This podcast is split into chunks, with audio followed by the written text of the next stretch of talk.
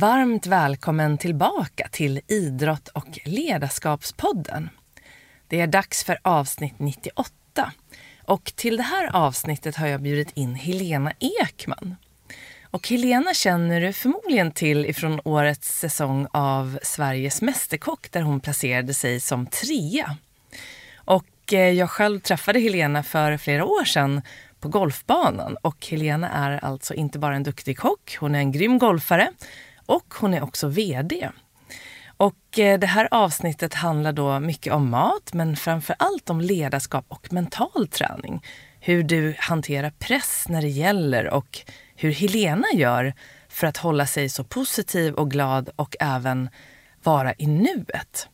Så känn dig varmt välkommen och på slutet av avsnittet så kommer jag lägga in en liten påminnelse till dig om hur du kan få in just mental träning i din egen vardag. Så häng gärna med till slutet som sagt. Men nu, luta dig tillbaka, ta några djupa andetag och som sagt känn dig varmt välkommen och eh, nu kör vi!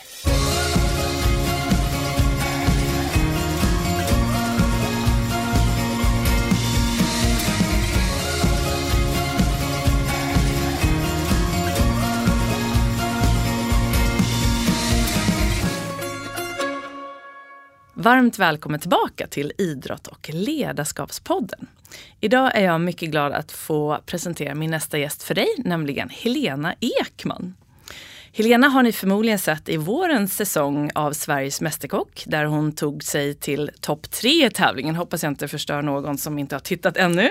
Um, Helena har där visat på en imponerande kunnighet vad gäller matlagning. Och det kommer vi såklart prata mer om här.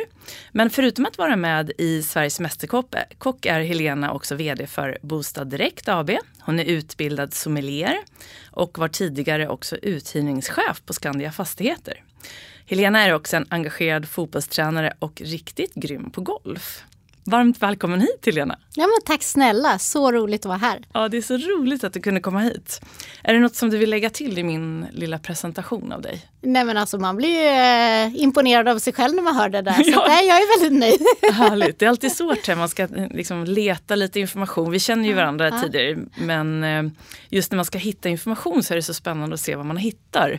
På, numera kan man ju googla. Ja. eh, man kan också prata med människor men det är kul att se vad, vad som finns på internet. Men det är ju bara bra saker. Och jättespännande att du är här idag. Mm, tack vi har, snälla. Vi har jättemycket roliga saker att prata om. Men jag tänkte för den som kanske inte vet vem du är, vem är Helena Ekman? Oh, en långt eh, svar finns det på den skulle jag säga, men jag tänkte ta det väldigt kort. Eh, jag är en tjej på 47 år, eh, väldigt glad. Eh, jag tror den som har träffat mig kommer komma ihåg mig, för jag är eh, oftast väldigt leende och glad och nära till skratt.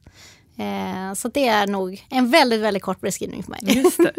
Och du är från Stockholm? Jag är från Stockholm tänkte jag säga. Jag är född i Hälsingland. Mm. Så att eh, vi bodde där ungefär i 12 år. Och sen mm. så fick pappa jobb i Stockholm och mamma jobbar på apotek så det var lätt att få jobb oavsett var man bodde. Mm. Så att då flyttade vi till eh, Danderyd och där bor mina föräldrar kvar fortfarande. Mm. Och så har du familj och så eh, bor ja, ni här? Just nu ja. bor jag på Lidingö med min man mm. och jag har en son som är född 2010 mm. eh, och en liten hund på två år. Oh, mm. En liten, vad är det för hund? Det är en pomchi, så det är en blandning mellan pomeranian och chihuahua. Så en liten tjej på eh, knappt två kilo. Mm. Ja. Mm, jättesöt. Jag tror faktiskt jag har sett henne. Vi, vi, eh, jag brukar ju säga det att jag har ju någon oftast någon relation till mina gäster. Och vi har ju träffats dels på golfbanan. Yes. Du är ju riktigt mm. grym golfare. Mm, och var med på laget i Djursholms mm. golfklubb när jag mm. tränade er. Mm. Och sen har du också varit med i eh, en av mina mentala träningskurser. Precis. Och, Man måste ju stärka sin mentala kunskap och där var du väldigt duktig. Ja men jättekul. Och eh, den här podden heter just Idrott och ledarskapspodden. Så vi ska ju komma in mycket på det området. Men jag tänkte, du har ju nu precis varit med i Sveriges Mästerkock. Det är nu eh, vad blir det? Det är mars, eller det är april 2022. Mm. Och Eh, så hur, ser, hur har den här resan påverkat din vardag skulle du säga? Ja men det är väldigt intressant. Det här spelades ju in någonstans mellan september till november i höstas och man fick ju absolut inte prata om det. Så under tiden det spelas in så var man där i inspelningsstudion och gjorde det och sen så, ja, sen så blev det jul och däremellan och sen så drog programmet igång och då fick man ju själv se sig första gången på tv på det sättet. Så det var en väldigt spännande erfarenhet och först då sen efter ett tag börjar man inse hur stort det här programmet är och hur många det är som tittar på det. För det är väldigt många som spontant kommer fram till mig och eh, vill ta en selfie eller ta ett kort och bara du var så duktig och sådär. Så det är otroligt kul att få den feedbacken efteråt. Trodde du att du skulle gå så långt Nej, när du började? Nej, jag var helt överlycklig att jag ens kom till Gävle och blev eh, en av de 40 som fick komma till Gävle och att jag överhuvudtaget tog mig tillbaks från Gävle. Det är, all, nej, jag är så stolt över mig själv så jag skulle kunna spricka. Ja, det är fantastiskt. Och vad var det som gjorde att du kom med i Sveriges Mästerkock? Var det någon som anmälde dig eller hur gick ja, det nej men storyn bakom det hela, det är en kollega som heter Klara och hon och jag gillar att tävla tillsammans. Eh, och eh, hon sa så här, ah, ska vi tävla den som kan gå längst i Sveriges Mästerkock? Och jag bara yes, I'm on. Så jag kom ju hem, eh, plockade med mig sonen ut på gräsmattan, skulle vi ibland skicka in en film och det var ju lite saker där omkring då. Så han hjälpte mig att filma den och så skickade vi in det och så var det inte mer med det. Och sen så frågade jag henne så här, hur går det för dig då? Nej, jag ska göra det. Och så bara, nej, jag ska göra det. Och sen så uh, var det bara en dimridå, för hon skulle ju inte skicka in det, utan hon ville att jag skulle söka istället. Aha, åh, spännande. Mm. Och hur fick, hur fick du reda på att du kom med? Ringde de? Nej, eller? men uh, det var efter det här, jag skickade in tror jag i februari, mars någonting och jag tror det var först i maj som någon mejlade och sa att de gärna ville ha en, eh, ja, mera information vill de ha först och sen en Facetime-intervju och sen så skulle det vara en kall matlagning i Värtahamnen. Och sen därefter så fick man komma på audition. Så det är en lång tratt för att komma ner till att ens få laga mat till juryn. Mm, just det. Och utöver, om man nu tar bort det här med vad du gör egentligen, just det här med eh, ditt yrkesval mm. och sådär, så jobbar du inom bostadsbranschen kan yes. man säga. Så hur ser din bakgrund ut när det gäller just din yrkeskarriär till att börja med? Mm. Ja men det är, jag är utbildad civilingenjör så att jag har gått på KTH. Det här var på 90-talet, 94 till 99 gick jag på KTH. Jag gick på lantmäteri. Eh, alltid tyckt det var spännande med, eh, med de ämnena och liknande. Så, där. så det var ett, eh, ett val som jag gjorde. Jätteroligt och sen därefter skulle jag ha mitt första jobb. Och eh, som ung tjej i den åldern så tyckte det var coolt att jobba i, runt Stureplan. Så ringde jag upp alla bolag som fanns runt Stureplan och eh, landade på ett eh, bostadsförvaltningsbolag på eh, Sturegatan. Så att, så kom mitt första jobb till. Ja, gud vad roligt. Och, och hur startade ditt intresse av mat? Ja, men alltså, det har gått i perioder. Jag gillade att baka väldigt mycket som barn. Så att jag, bland annat på högstadiet var jag med i en tårttävling som jag vann. Så att, eh, det var jättekul. Jag gjorde en, en tårta av, eh, i form av Sverige. Mm tårta, bland annat. Och sen så ja, var jag utomlands ett år och pluggade på KTH och sådär. Så då insåg man att som student så är det billigare att laga egen mat än att köpa mat. Så det var lite så. Men sen också så försvann det intresset lite när man fick barn och det var andra saker som kom igång. Och sen så med pandemin, då tog det fart rejält skulle jag säga. Ja, just det. Oh, gud då fick man mer tid. Allting, liksom alla tillställningar, allting som man skulle göra blev ju inställt. Och då då kom det tillbaka, då fanns det tid. Ja, och när, du är sommelier också. Precis. När utbildade du dig till det? Ja men det är ett års, eh, år sedan ungefär jag fick examen. Ja, så det var samtidigt som pandemin också, ja, att, att du började ja, med det kan man ja, säga? Ja. men det skulle jag säga. Och det var också en mm. rolig sak, för det var en, en julklapp till mig själv för ett och ett halvt år sedan. När jag eh, insåg att jag har hittat inte riktigt något rött vin som jag gillar att dricka och då tänkte jag så här, men varför inte utbilda mig och göra det på riktigt? Så det var därför jag gjorde det. Gud och hur, så det tog ett år ungefär? Eller? Nej, jag gjorde det, alltså det är som alltid när jag ska tävla, jag tävlar med mig själv också, så att jag sa till mig själv att nej men det här ska vara klart i golfsäsongen, för annars får jag ingen tid. Så att jag gjorde det mellan julafton till golfsäsongen börjar.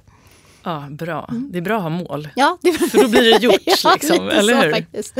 Ja. Um, så apropå mål och sådär så är ju det en viktig ingrediens i det här med mental styrka. Mm. Och när man pratar ur det mentala träningsperspektivet som jag jobbar med från Lars-Erik Uneståls anda kan man säga, de här integrerade mentala träning, så är det den tredje delen, just det här att ha tydliga målbilder. Och min uppfattning är att du är väldigt bra på att sätta upp mål och att du är en målinriktad person.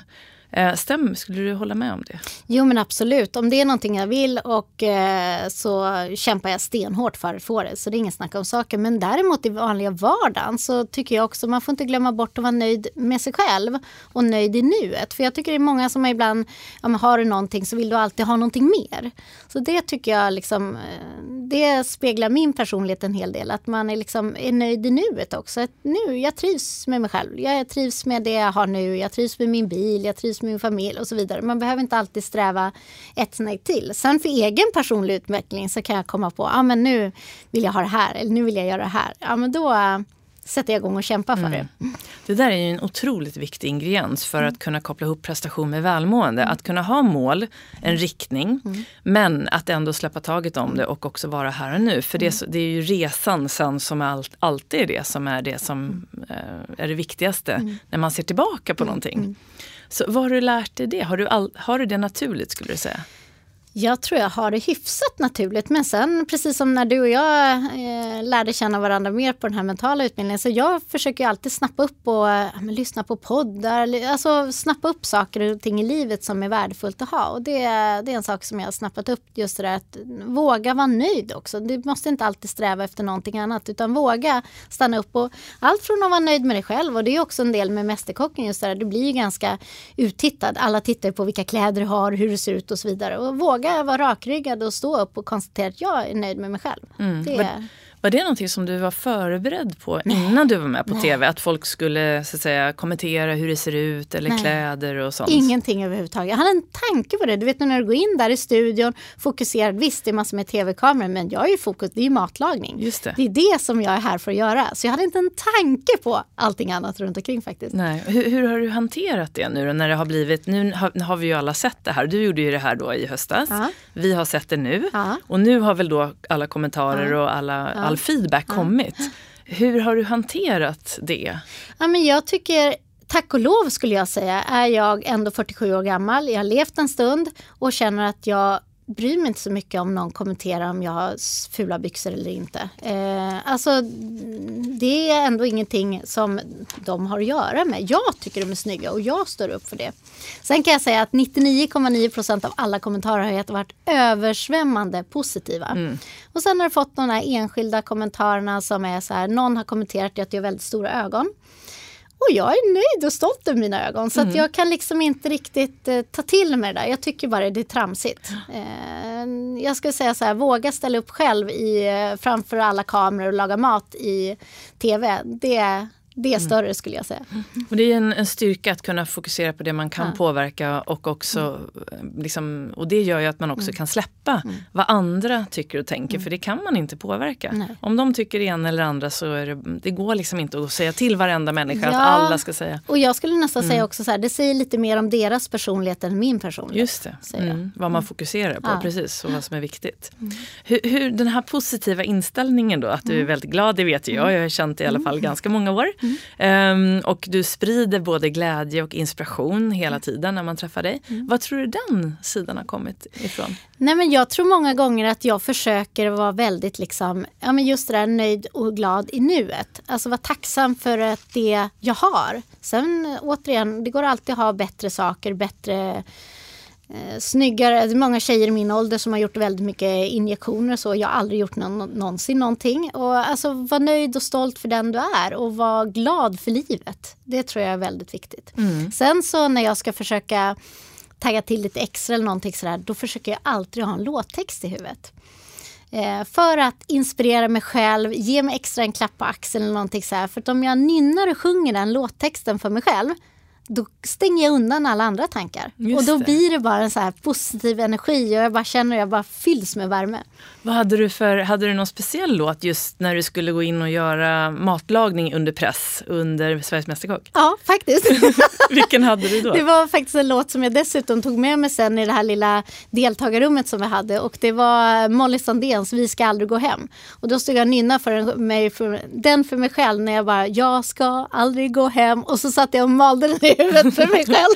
Gud vad bra. Ja. För då kunde jag stänga bort alla de där. När du får fyra, fem kameror som bara hänger över dig själv och så ska du liksom prestera någonting som alla granskar i detalj. Då är det viktigt att kunna stänga bort de här lite andra tankarna som kan tänkas komma.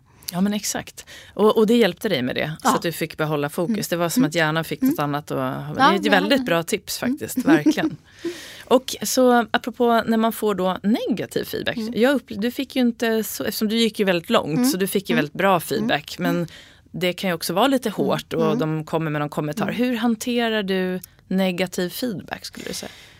Ja, men alltså jag skulle säga att det beror på vad är, vad är negativ feedback. Är det någonting som jag konstruktivt kan ta till mig och lära mig av, då tycker jag det är positivt. Jag menar, de är ju experter på det här. Jag är ju bara en glad amatör. Så då kan man ta till sig det. Men säger någon någonting som inte har med saken att göra, då borstar jag av med det mer. Eh, mm. Så det beror på. Om det är någonting jag kan ta till mig och lära mig av, då, då är det värdefullt. Jag menar, jag kan ju gå vidare till nästa tävling om jag tar till mig någonting av någon annans feedback också. Så det gäller att lyssna och lära och utvecklas. Mm, precis, och släppa taget om det andra och låta det gå in genom ena örat och ut genom det andra. Det som ja, inte är konkret ja, och utveckling. Lite, mm. Precis, och lite det här att alla, alltså ingen är liksom bäst på allting. Det är helt omöjligt. Så på något sätt ta till mig och liksom utvecklas. Mm. Eh, för att ingen är perfekt. Man kan alltid utvecklas. Just det, jag, brukar, jag tänkte på en sak, det här med att våga tänka positivt på saker. Mm. Alltså att våga tänka så här, nu kommer jag vinna, eller mm. det här kommer mm. gå jättebra.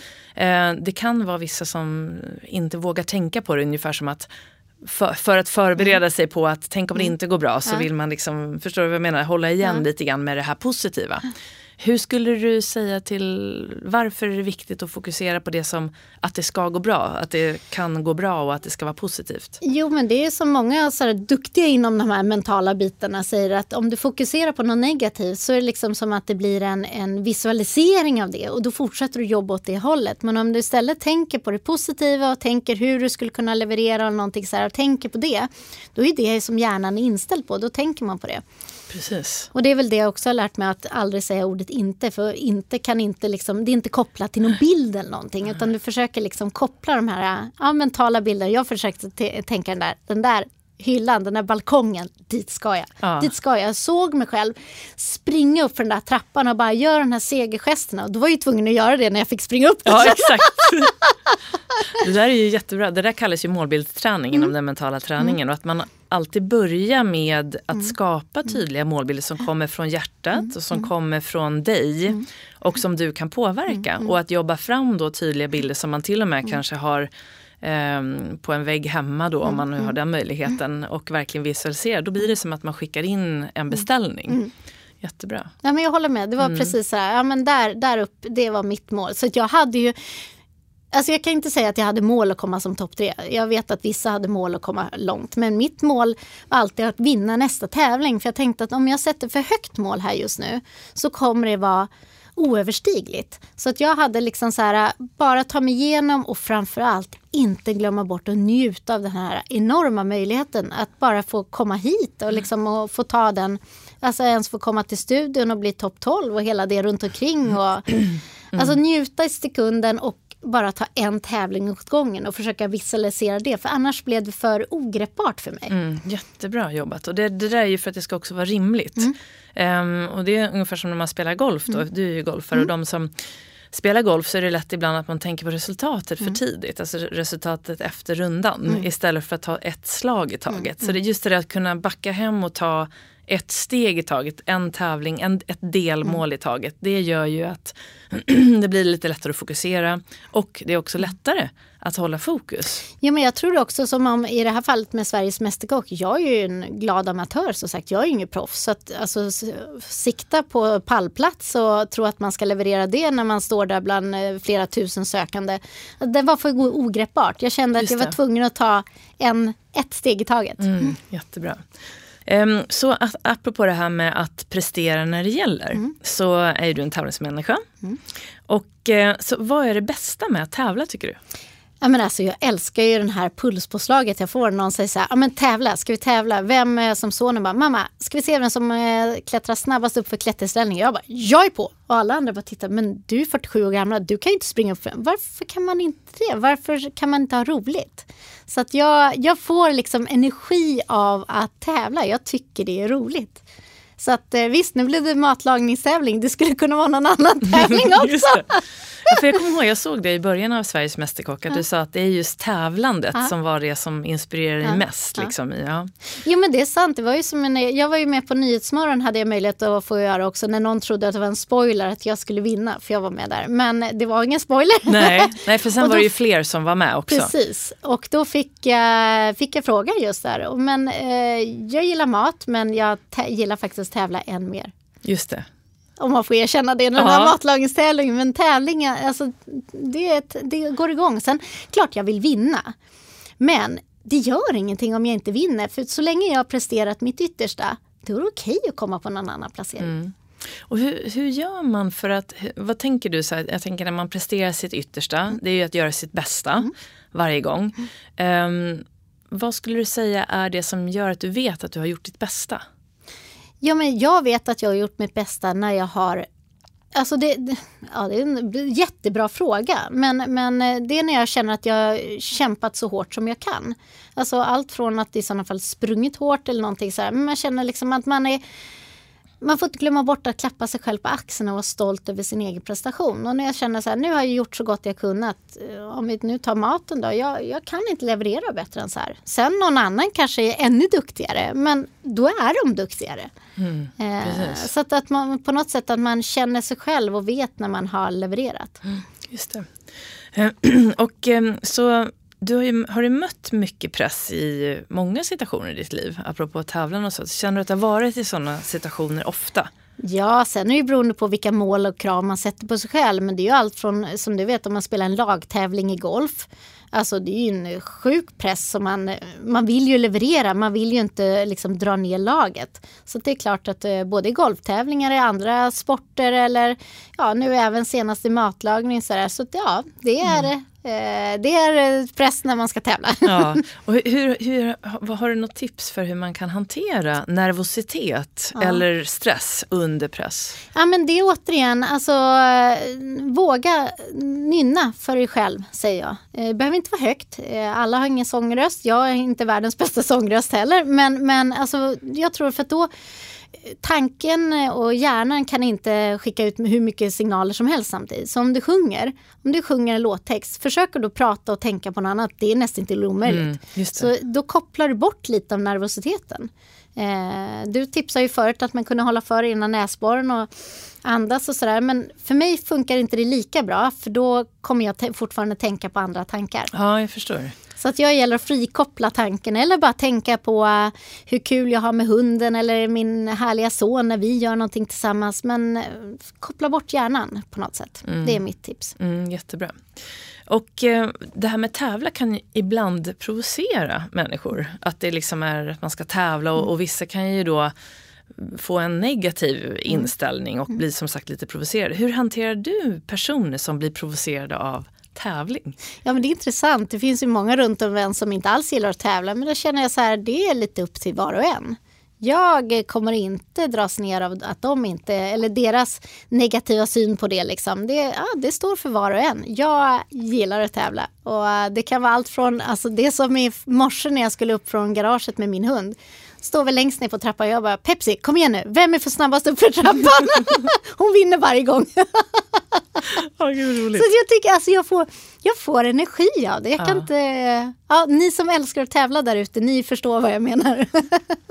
och, och det här med att behålla sitt välmående i sin strävan efter prestation. Vad är viktigast att tänka på för det? Ja, men jag tror också återigen att, att våga vara nöjd i stunden. Och också att kommer du inte etta, alltså det är väldigt sällan man kommer etta. Alltså våga vara nöjd med din prestation av det du har gjort. Det tror jag är jätte, jätteviktigt. Mm. Har du någonting, någon rutin sådär som du gör varje dag för att till exempel hamna i rätt tillstånd eller liksom hitta lugnet eller vara i nuet? Alltså jag är ju inte rutinmänniska på så sätt. Så att eh, jag, nej, jag har inget som jag gör likadant varje dag. Det kan jag inte säga på något sätt. Mm. Eh, utan jag är oli, olika saker. Eh, mm. Allt från att lyssna på någon podd ibland eller ta en promenad eller sätta mig på massagestolen på jobbet eller liksom, nej men det är tusen olika saker mm. men sällan exakt samma. Och ibland när man blir nervös eller känner press då kan man ju också bli rädd. Mm. Är det något som du är rädd för? Bra fråga. Eh, jag var livrädd för ormar förut. Eh, det är min mamma som har eh, kanaliserat det på mig. Men jag har faktiskt jobbat bort det. Så jag tänker att jag vill inte skicka över det till min son. Så att jag gick en, vad säger man, en ormfobi ormfobikurs liknande. Så det avslutades med att jag klappade den största boan som fanns på Skansen. Och det var jag väldigt stolt. Sen kan jag inte säga att jag skulle inte ha ett, en orm som husdjur. Det finns inte på världskartan. Men kommer den slingrande så kan jag stanna upp och konstatera att den är nog mer rädd för mig än vad jag är för den. Och, och acceptera det. Mm. Eh, men jag springer inte och blir livrädd. Så det är skönt. Det är jätteskönt. Så jag tänker på golfbanan kan det ju mm. vara om man ska ut och leta efter bollen. Och mm. det, det kan ju skapa väldigt mycket jobbiga känslor mm. om man går och är rädd för något som kanske inte finns men om man tror ska dyka upp. Den här ormfobikursen på Skansen den har jag hört fler som har gått. Uh, och den kan man ju verkligen rekommendera, eller hur? Om man ja, vill men det här var, ormar. Här, jag tyckte det var jätte, jättebra och bara framförallt konstatera varför. Och för det är så mycket spännande tankar som får en när man stannar upp och säger varför är jag rädd för det här? För det är ju liksom ingen, det är ingen konkret rädsla på så sätt. Det är ju ingenting som liksom slingrar in i kontorslandskap och biter en eller sådär. Så det, det är ganska intressant att stanna upp varför man är rädd och hur det här påverkar en och framförallt hur det begränsar en. Och vad tror du, vad var det du kom fram till? Som jo, var men det var det. Det visade sig att eh, jag och min mamma och pappa och brorsa var ute och promenerade i fjällen. Och så ser mamma en liten orm. Mamma går längst fram. Hon ser en liten snok. Hon gallskriker och blir rädd för den, för hon var rädd för ormar. Var jag vänder mig om och ska springa därifrån, för jag blir också rädd när min mamma är rädd. Och min pappa är där bakom och jag vill ju klättra upp på honom. Och eh, vi, jag misslyckas och vi båda faller på marken. Och då tänker jag att då kommer ju den och hugger mig. Och Men den var säkert en mil därifrån. Ja. Så det var det, det var minnet som jag hade, situationen ja. som gjorde en starkast intryck på mig. Ja men för det är just det när, man, när det är någonting och så hinner man bli rädd. Ja. Det är då det kan mm. fastna och då bearbetade mm. du inte det såklart då Nej. för det tänkte man ju inte på. Nej. Men så det är bra att gå tillbaka och hitta vad det var som triggade ja. det. Och, och sen, dessutom mm. är det ju, jag tycker det är så intressant just det där med, med olika rädslor och olika tankar. Som du säger, gå ut till höger. Sådär. För det är ju bara din tanke som sätter begränsningarna. För jag menar, tänker du inte på att det finns några ormar i det gräset, då är det bara att gå rakt på. Mm. Men börjar du tänka på tanken då blir det som liksom en, en loop så att du fortsätter bara tänka på det där. Du ser tusen ormar som ligger där omkring och så bara, ja. Så det är ganska intressant hur tanken Mm. Det är den som sätter begränsningen. Mm. Ja, men precis, så jag brukar prata om det här tanke och känslohjulet. Mm. Så är det en tanke som då koppla, är kopplad till en rädsla, är mm. vår, rädsla är vår starkaste känsla. Och då blir det den tanke-känslohjulet spiral, det blir som en spiral som går neråt då. Och då gäller det att bryta det där. Och i mitt fall så jobbar man ju med just mental träning för att bryta det där hjulet. Och då gäller det att lägga mm. märke till hur tanken skapar spänningar i kroppen. Och i rädsla då kan det ju komma mm. jättemycket mm. spänningar. Och då kan ett tips vara då att hitta lugnet i det och andningsövningar men också att mm. hitta något annat att tänka på för mm. hjärnan som mm. du var inne på med en låt. Om man nu vet att det inte är en fara på riktigt. Man kanske sitter hemma i soffan och börjar tänka på ormar. Och då är man ju helt trygg för det. Men det kan ju också vara en annan rädsla. Man kanske ser något på tv som har med krig att göra eller någonting så kan man helt plötsligt tro att det kommer vara krig utanför vårt fönster. Så det, det gäller ju att kunna bryta det där. Och jag tror det är först när du blir medveten om dina tankar, det är då du kan göra. För många tänker ju alla de här tankarna om och om, om igen utan att tänka på att det är tankar, det är inte verklighet. Så det är just när du blir medveten om dina egna tankar, då kan du nog göra ganska mycket. Mm.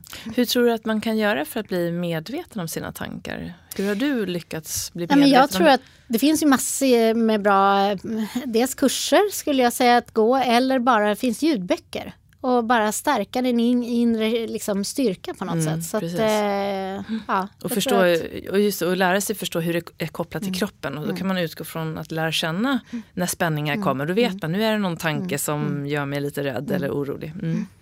Ja, jättespännande verkligen. Mm. Och, och, att det är ju det, därför heter mental träning. Mm. För att det är just träning, det här är inte lätt. Men att förstå att vi inte är våra tankar. Mm. Det är ju en fantastisk målbild faktiskt mm. att kunna jobba fram. Apropå ja mål. men det är viktigt just det där när du säger vad, kritik från andra eller vad som helst. Liksom bara konstatera att okay, det är deras tankar och så vidare. Och alla har inte samma tankar. Mm. Mm. Att, och där är ju också nuet som du var inne på förut en otrolig viktig lösning kan man säga. När man är i nuet, då, där är det ganska fritt från mycket tankar. Mm. Ja, Tank, eller hur? För tankar är ju framtid eller dåtid oftast. Mm. Om vi bara kunde vara här och nu, då är det inte så mycket Nej. tankar kvar.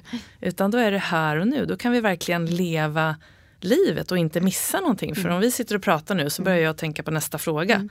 Då missar ju jag kanske att Eller du hur? säger någonting väldigt viktigt som jag skulle kunnat fråga vidare Mm. om. Och sen också tänker jag många gånger när du har haft eller har kompis eller vad som helst just med olika rädslor så är det nästan alltid kopplat till framtid. Mm. Eh, att man tänker på vad kommer hända eller vad händer då eller och så vidare och så vidare och så bara spinner du ner i det. Mm, och det, är också, det, det har jag läst för eh, rätt länge sedan, men just att definitionen av stress, Mm. det är ju att man inte är i nu, att du är lite i framtiden. Mm. Eh, det kan ha kommit från något som har hänt tidigare, men det är just tankar på något som man är orolig för framåt. Mm. Ja, men så att vara i nuet är ju en jätteviktig och bra träning också. Men apropå då att vara i nuet men också det här med mål och drömmar, Mm. det ligger ju i framtiden. Men hur känner du nu med tanke på att du har varit med i Sveriges Mästerkock? Mm. Ehm, har du några drömmar om att starta din egen restaurang? Nej, Nej. jag har aldrig någonsin haft en sån dröm och jag kommer aldrig så ha heller. Nej. Så att, eh, nej, det har jag faktiskt aldrig någonsin ens funderat på. Så Du att, trivs eh, bra med ditt Jag trivs det du jättebra med Mm. mitt nuvarande och jag tror också att med att stå i en restaurang så står det väldigt mycket bak bland kastruller, alltså bak i köket. Och jag gillar ju att vara bland folk och vara liksom lite puls och där det händer saker och sådär. Så att det, ja, nej jag har inte någonsin funderat på en egen restaurang. Jag vet att vissa deltagare har gjort det men jag har aldrig gjort det. Nej. Och apropå din son, visst är det en son? Mm. Ja. Så, ja. Ehm, och mål och drömmar. Mm. Hur pratar du om mål och drömmar med honom? Ja, kanske inte så mycket. Dels att eh, drömma fritt, eh, önska fritt. Sen får man ju se vad man landar i. Men framförallt tycker jag, det vi pratar väldigt mycket, det är skillnad på tanke och känsla. Eh, för att lite sådär liksom, och också skillnad på eh, sak och person. Eh, för att ibland kan, inte ofta, tack och lov, men ibland gör han lite dumheter. Och eh, då blir inte jag så glad på honom. Eh, och då är det väldigt viktigt tycker jag att säga så här, okej, ditt beteende just nu ogillar jag starkt. Men jag älskar dig lika mycket som person ändå. Så att prata liksom att skilja på sak och person, det pratar vi ganska mycket om. Mm, Det där är jätteviktigt. Just det, här, det här handlar om ditt beteende, Ja. inte din person. Ja. Så att det, det pratar vi nog mer om, drömmar och mål och sådär. Sen är väl alltid som barn, de drömmer om de inte är golfproffs så är det fotbollsproffs eller någonting annat. Då, dröm på säger jag. Liksom. Det, man får se längre fram var, var det landar i. Men jag tror också just det där, och det handlar ju också om saker som händer i skolan eller vad som helst. Just det där att man skiljer på sak och person. Det tror jag är jätte, jätteviktigt. Och apropå, man är ju ledare som förälder Mm. men du är också ledare på jobbet då, som vd och det har ju du varit eh, många år. Mm. Vilka är dina viktigaste ledaregenskaper skulle du säga? Oj, där är ju också så här, det är svårt att plocka ut en bara. Men jag skulle vilja säga att våga lyfta dina anställda. Alltså det är okej om de anställda presterar eh, bättre än vad du gör ska säga. Så här, våga uppmärksamma och våga liksom säga positiva saker. Eh, det tycker jag är en väldigt, väldigt viktig sak. Och sen också frihet under ansvar. Våga lita på dina medarbetare. Det tycker jag också är väldigt viktigt. Och vilka är dina största utmaningar som ledare? Ja, bra fråga. Men jag skulle nog säga att få alla att jobba åt samma håll. För det är alltid någon som kanske inte riktigt vill som alla andra. Eh, och det är även där om man tittar historiskt sett, liksom, vad du än gör, vilken, eh, liksom, vilken sak du än beslutar om, finns det alltid någon som inte tycker det är bra. Det spelar ingen roll hur bra du tycker den idén är. Det finns alltid någon som hittar som inte tycker det där är bra. Och då är det, då är det bra att gå till sin egen styrka och tycka att det här är bra, det här står jag för, det här är jag stolt över. Mm. Så hur gör du om det är någon som då inte riktigt faller in i den gemensamma målbilden? Ja. ja, men då får man ju sätta sig ner och prata med den enskilt så att säga och försöka få, få den att förstå varför vi har den här målbilden. För det handlar ju många gånger om företagets framåtanda och för, få företaget att gå bra. Mm, just det. Och nu som sagt, du har ju varit ledare i många år, Mm. du är 47 år. Men om du fick säga något råd till dig själv när du liksom började som ledare, Ja. vad skulle det vara då? Nej men alltså det skulle nog också vara att våga tro på dig själv. Alltså våga, våga ta beslut och våga tro på dig själv. För det tror jag när man står där som första gången och ska våga ta ett beslut att det känns lite obekvämt och ska de andra lyssna på det här eller inte. Men, men stå rakryggad och tro på dig själv och våga stå för ditt beslut. Mm. Och apropå må bra, det är Mm. viktigt att du mår bra som, som ledare men också att personalen mår bra. Då kommer Mm. de göra bra. Vad tror du är viktigast för att hitta den där balansen också hos personal? Att de både presterar bra Mm. men att de också mår bra. Jag tror det viktigaste är att våga ta en time-out under arbetsdagen. Vi har eh, skaffat en massagestol på jobbet. Vi har ett pingisbord. Vi har någon pilatesboll. Vi, alldeles nyss köpte vi ett eh, fullstort biljardbord.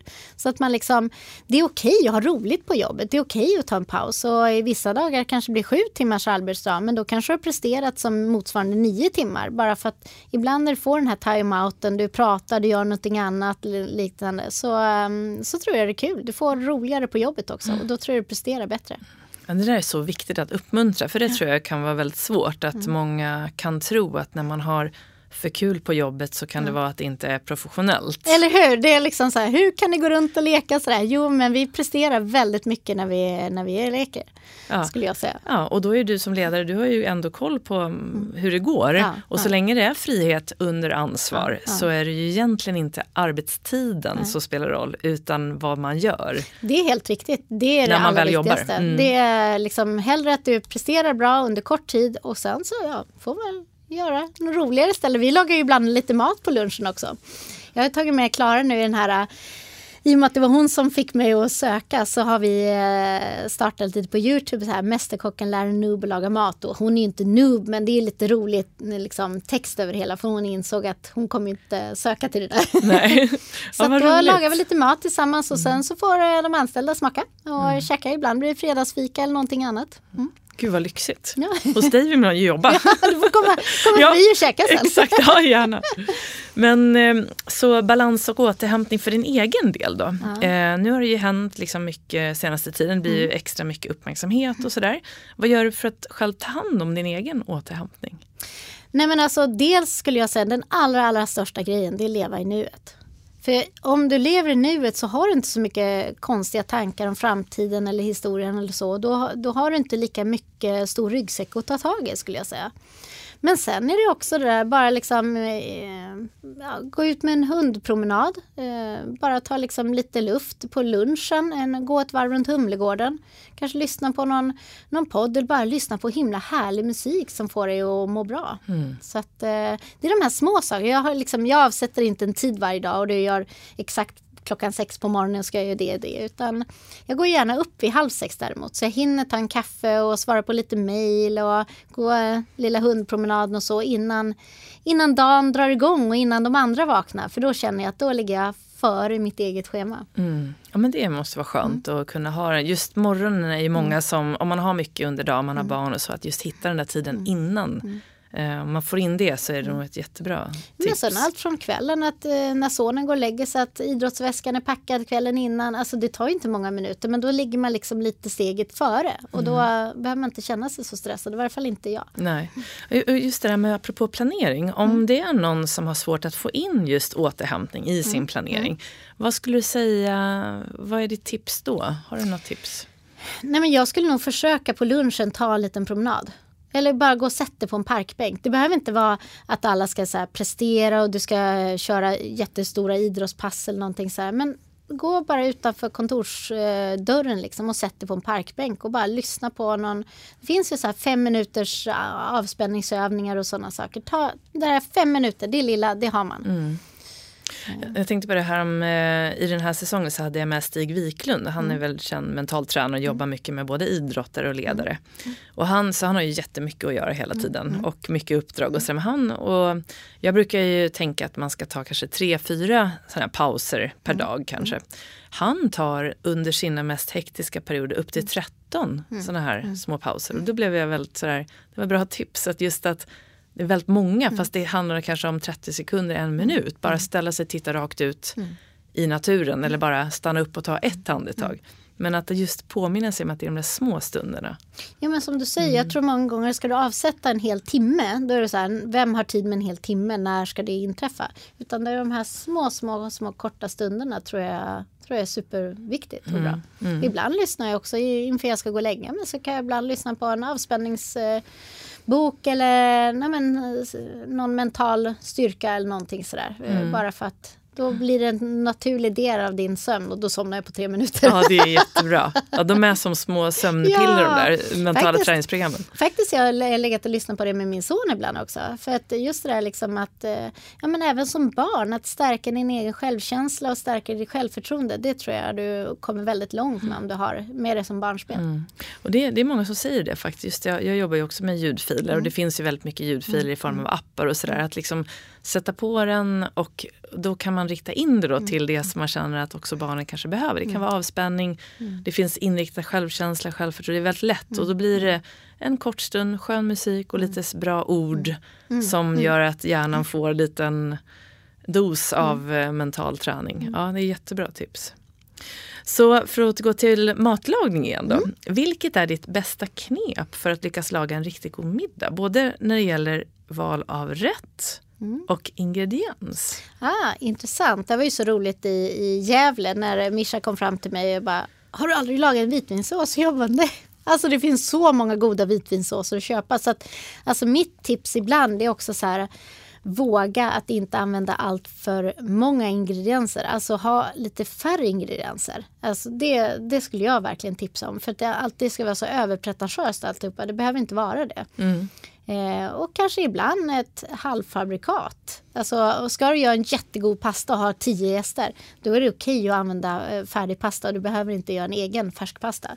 Just det. Så lite sådana saker, för det kan, det kan däremot, apropå om vi pratar stress, det kan ju vara stressande om du ska göra allting från grunden på allting. Eh, så att, eh, för det finns så mycket goda olika maträtter och allting sådär. Men, eh, ja, hi- eh, var hittar du din inspiration någonstans? Ja, men jag brukar ibland faktiskt bläddra i gamla mattidningar. Så typ automat från 70-talet eller någonting. Och så tänker jag så här, åh den där var en spännande rätt. Fast vi eh, pimpar upp den på det här sättet istället. Då. Just det, ja, vad kul. Så att, eh, ja.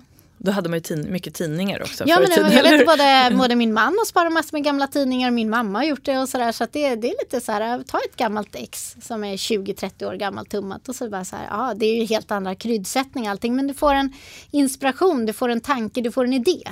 Och sen kan du spinna vidare på det. Mm. Har du några förebilder? Alltså egentligen inte sådär jättemycket måste jag säga. Däremot så äh, att träffa få Mischa i Sveriges Mästerkock, det var ju så häftigt för hon är ju, är ju så duktig på vin. Alltså vin och en fantastisk näsa, så det var jättekul. Och sen också äh, Sebastian Gibrandt, att vi fick laga mat med honom var ju en, äh, då blev man lite så här: wow, det var coolt. Men äh, annars ingen sådär som jag som barnsben har sett upp till. Och, och vilken är din favoriträtt och ditt favoritvin? Och, eh, jag älskar ju pasta. Eh, I alla former pasta skulle jag säga. Eh, så att den eh, en skaldjurspasta skulle nog, om jag skulle bara plocka ut en sak så är det nog en skaldjurspasta faktiskt. Mm. Och, vad ska man, eh, ja, visst det. Alltså dricka till det, det beror ju på liksom, eh, vad det är för typ av skaldjur och vad det är för typ av sås och allting sådär. Men, men skulle jag bara enskilt plocka ut ett gott vin så är det ju en, en vit bourgogne från Frankrike. Det är ju eh, det är riktigt, riktigt gott säger jag. Så um, kommer du göra någonting med din sommelierkunskap tror du? Ja men det tror jag lite. Jag har ju redan i somras som var så mina grannar på Gotland sa bara, ah, men kan vi inte ha vinprovning hemma hos dig och sådär. Så att eh, jag hade tror jag tre eller fyra vinprovningar i somras. Både på rött och vitt och bubbel och sådär. Så att eh, lite så kommer jag nog göra. Men i och med att jag älskar att jobba i fastighetsbranschen så kommer jag fortsätta det. Och ja, det här blir lite som grädde på moset. Mm, jag förstår. Och jag brukar fråga också det här, om jag gav dig obegränsat med pengar just nu. Ja. Nu får du gå ut ur det här rummet och jag Ja. ger dig liksom helt obegränsat med Ja. pengar. Vad skulle du göra då? Oj. ehm, Det finns liksom inga hinder, Inga hinder? när det gäller pengar. Du oj, får liksom var, göra alltså, precis vilken vad fråga. Den har du inte ens förberett mig på. Nej, det var därför jag tog alltså- bort den. Ja, nej men alltså intressant. Jag skulle väldigt gärna vilja ha ett hus med en infinity pool. För just det där liksom bara ligga och titta på ut i liksom ut i det liksom tomma intet höll jag på att säga, i den förlängningen av Infinity. Alltså det skulle vara coolt att ha en, ett hus med en egen Infinity Pool. Det går inte där vi bor idag, annars skulle jag kanske börja gräva. Ja, det. Så det skulle nog, tycker jag, var häftigt att ha. Ah, gud vad häftigt. Men annars är jag liksom med mitt jobb och eh, med liksom allting runt omkring och eh, med min hälsa och alltihopa så är jag ga- ganska, ganska nöjd om jag får säga Ja, så. men det är fantastiskt. Just det här att också se vad man har Mm, och inte alltid bara sträva framåt. Och ibland är det ju så att det inte är. Jag tror att det var någon som en gång har sagt att han önskar att alla kunde få tillräckligt mycket pengar Mm. så att de förstod att det inte är det som är liksom hela... Det är Nej, inte, det var det en svår allt. fråga för jag kände inte, alltså det, jag var tvungen att tänka till lite. Jag tyckte inte det var allt för enkel att Mm. Nej. komma på. Jag har ju den här du vet, mirakelfrågan i mina Mm. kurser och i min bok också som är liksom det första man kan göra då när man verkligen ska sätta sig ner så ska man låtsas Mm. som att man har obegränsat med pengar och obegränsat med tid. Det finns liksom, tanken med det är att man ska lyfta alla hinder. Och det, det är lite svårt så det här kan ta några gånger och sätta sig ner med den frågan. Så alla ni som lyssnar, det kan vara ett tips faktiskt att sätta sig ner, sätta på någon skön musik och ställa sig den frågan. Om jag hade obegränsat med pengar, vad skulle jag göra då? Sen skulle man ju gärna vilja hjälpa till mer ute i världen än vad som går att göra. Men, men det är liksom, då behöver du ju så mycket pengar så jag vet inte vad det ska. och så mycket olika saker. Allt från liksom de här, allt från Barncancerfonden eller hjälpa Ukraina nu eller så vidare. Alltså man skulle vilja hjälpa till så mycket mer med, med de pengarna. Men nu antog jag att den här frågan var riktad till mig. Därav min, Ja men min precis, pool. ja, men jag förstår. Nej, men det är jättebra. jättebra. Ehm, och framtiden nu då? Finns det några framtidsplaner som du skulle vilja dela? Någonting som du tänker på? Nej men jag är ju en sån här glad, härlig, rolig person. Så får jag en fråga så hoppar jag gärna på den. Allt från du frågar vill du vara med här? Jag bara åh vad kul, det kommer jag på. Eller liknande. Så att, eh, nej, inga direkt som jag har satt mål på i varje fall. Utan bara fortsätta. Jag har ett Instagramkonto eh, så jag inspirerar folk till matlagning och glädje i livet liksom.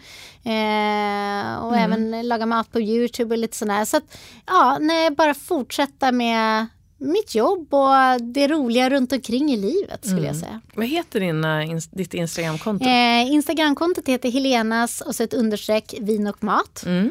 Och på Youtube? Eh, heter den Mästerkocken lär Nubo laga mat. Ah, okej. Och det är där man kan liksom följa Ja, dig? och där är Klara och, och jag som står och lagar mat och det är lite roligt för hon eh, kan ju inte så mycket mat och då blir det liksom, det blir inte så komplicerat skulle jag säga. Det blir, eh, det ska, mat, för jag menar apropå just det här med stress och återhämtning, ska du hinna med så kan det inte vara att en middag tar två timmar. Det är ingen som jobbar som hinner tid med det i varje fall. Tror du att du kommer att, eh, skriva en bok? Nej.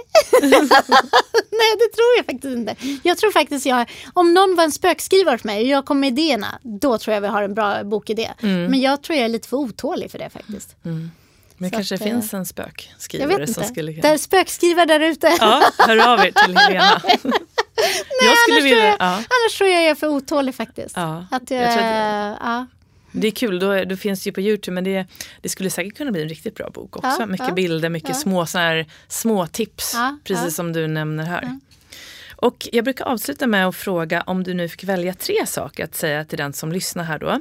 Som kanske drömmer om att våga göra, att till exempel bli mästerkock Mm, eller göra det man drömmer om. Eller kanske bli VD. Mm. Eh, prestera på topp och det här med att vara i nuet. Vad skulle du säga då?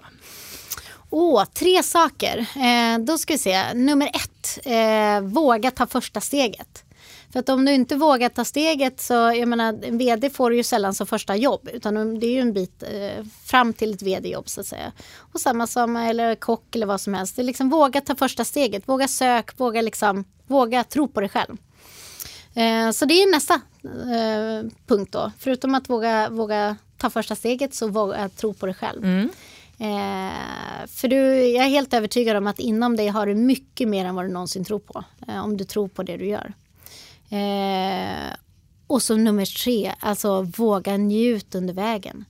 Alltså, det är inte bara målet som är en resa utan resan i sig. Så njut av varje sekund som du gör någonting som du gillar. Det skulle jag nog säga i tredje tips. Det tycker jag känns som ett väldigt fint tema genom hela den här intervjun. Alltså Mm. din förmåga att kunna vara här och nu och njuta. Mm. Även när det finns mål som man kanske Mm. har eller eh, press som dyker upp när du tävlar eller Mm. då på jobbet och så vidare. Att kunna faktiskt vara här och nu. Och sen har jag ett litet mål men, men det är ett långsiktigt mål som jag haft som barnsben och det är jag Holding One.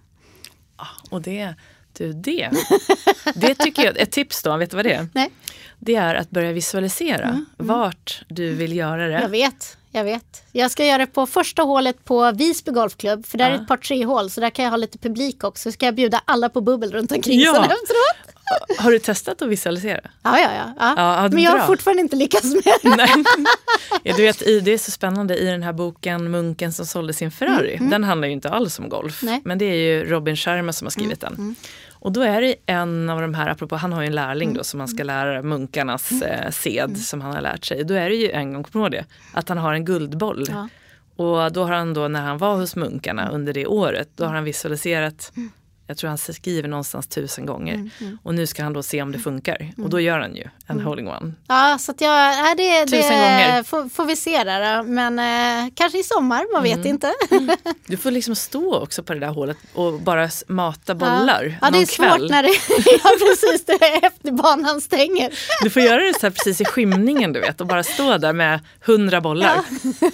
Nej, jag, där är jag ju också återigen, jag är nog lite otålig där, så jag är inte så bra på att träna. Jag tycker det är roligare att gå ut och spela golf Mm, jag förstår. än att stå och träna. Så att, eh, Ja. ja. Om det händer så måste du höra av dig. Om det händer så lovar jag att ni kommer se det på alla sociala medier Ja, som någonsin finns.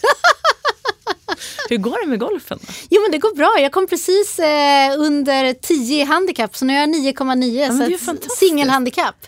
Bra, sist vi träffades hade du 12 tror jag. Ja precis. Jättebra ja, jobbat. Jobbat Gud, ner med. Ja, så det är kul. Då får vi ta en runda kanske på Djursholm här i sommar. Är du Gärna. for- medlem där? Ja. Ja, just det. Fortfarande. Mm. Underbart. Djursholm och Visby är mina två hemmaklubbar. Ja. Att, eh, ja, Eller Visby kommer jag gärna till. Ja, du är Det så välkommen en grym, så. grym bana.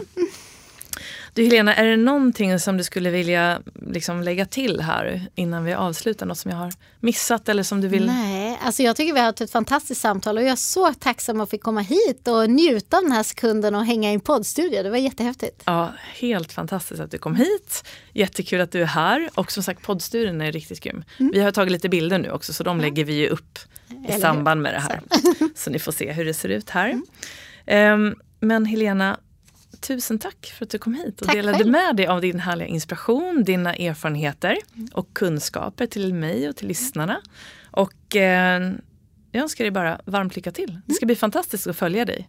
Tack snälla. Ehm, finns det någon hemsida förresten också? Eller är det de här? Nej, jag har ingen inte hemsida. än. Jag kommer nog aldrig skaffa en hemsida. Jag tycker Instagram är, är väldigt, väldigt bra. Mm, det är jättebra. Tack snälla. Tack själv.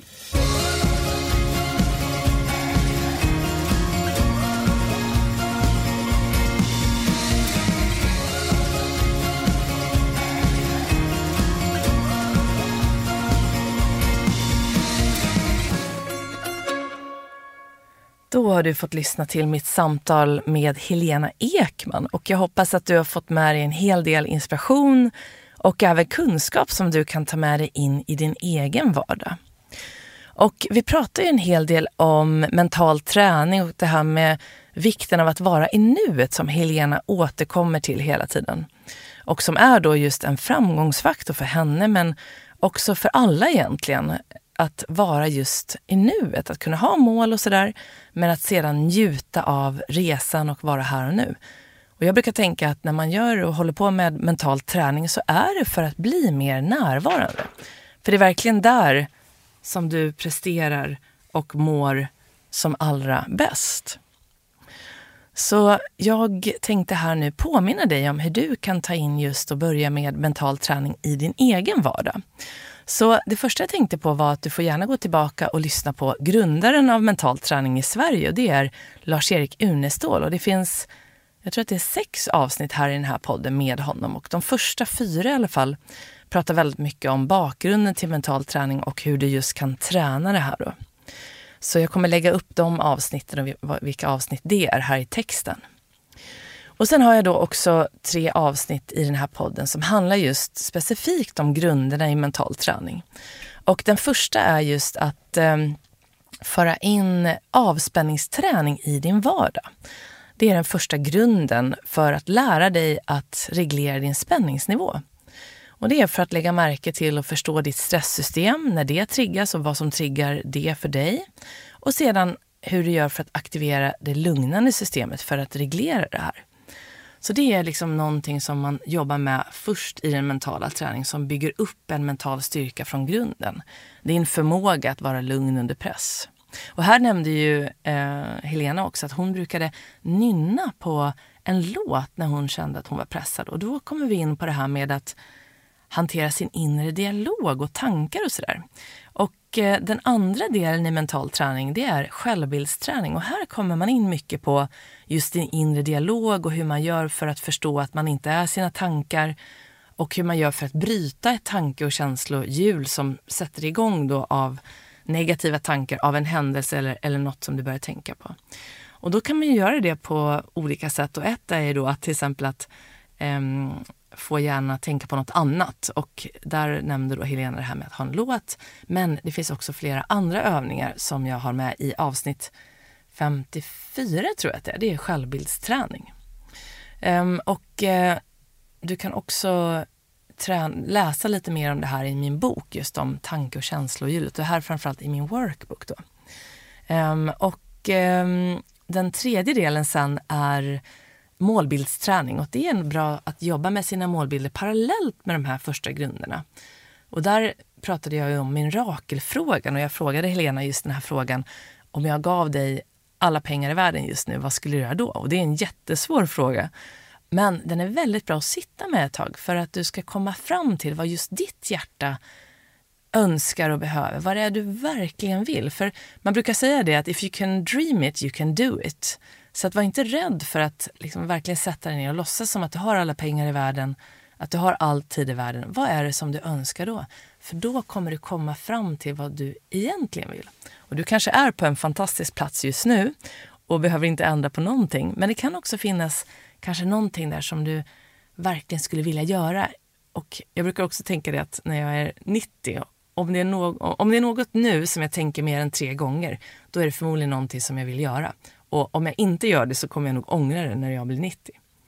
Så sätt dig ner med, en sån, med den här frågan och gör det kanske några gånger då och då för att få ner då dels de här långsiktiga målen, alltså vad är dina livsvärden kan man kalla det lite mer. Men också om det finns något som är lite mer kortsiktigt som, du, som handlar om jobbet eller din hälsa eller dina relationer. Eller någonting som har med din fritid att göra, platser du vill besöka eller så. Så, och målbildsträning finns också i podden här i avsnitt 53 tror jag det blir då. Ja, så som sagt, jag skriver ner de här eh, avsnitten här i podden också, här i texten. Och om du nu vill veta mer om Helena och följa henne så nämnde hon ju då sitt eh, Instagramkonto, Helenas understreck vin och mat. Och du kan också följa hennes, eh, henne på Youtube då, på de här härliga eh, inslagen med hennes eh, newbie, alltså Mästerkockens newbie heter det då. Och vill du veta mer om vad som händer i min verksamhet så får du gärna gå in på jennyhagman.com eller så följer du mig på Instagram och då är det snabel Jenny Hagman. Så med det sagt så önskar jag dig nu en fortsatt härlig dag eller kväll och så hoppas jag att vi ses här snart igen. Ta hand om dig och eh, hej då!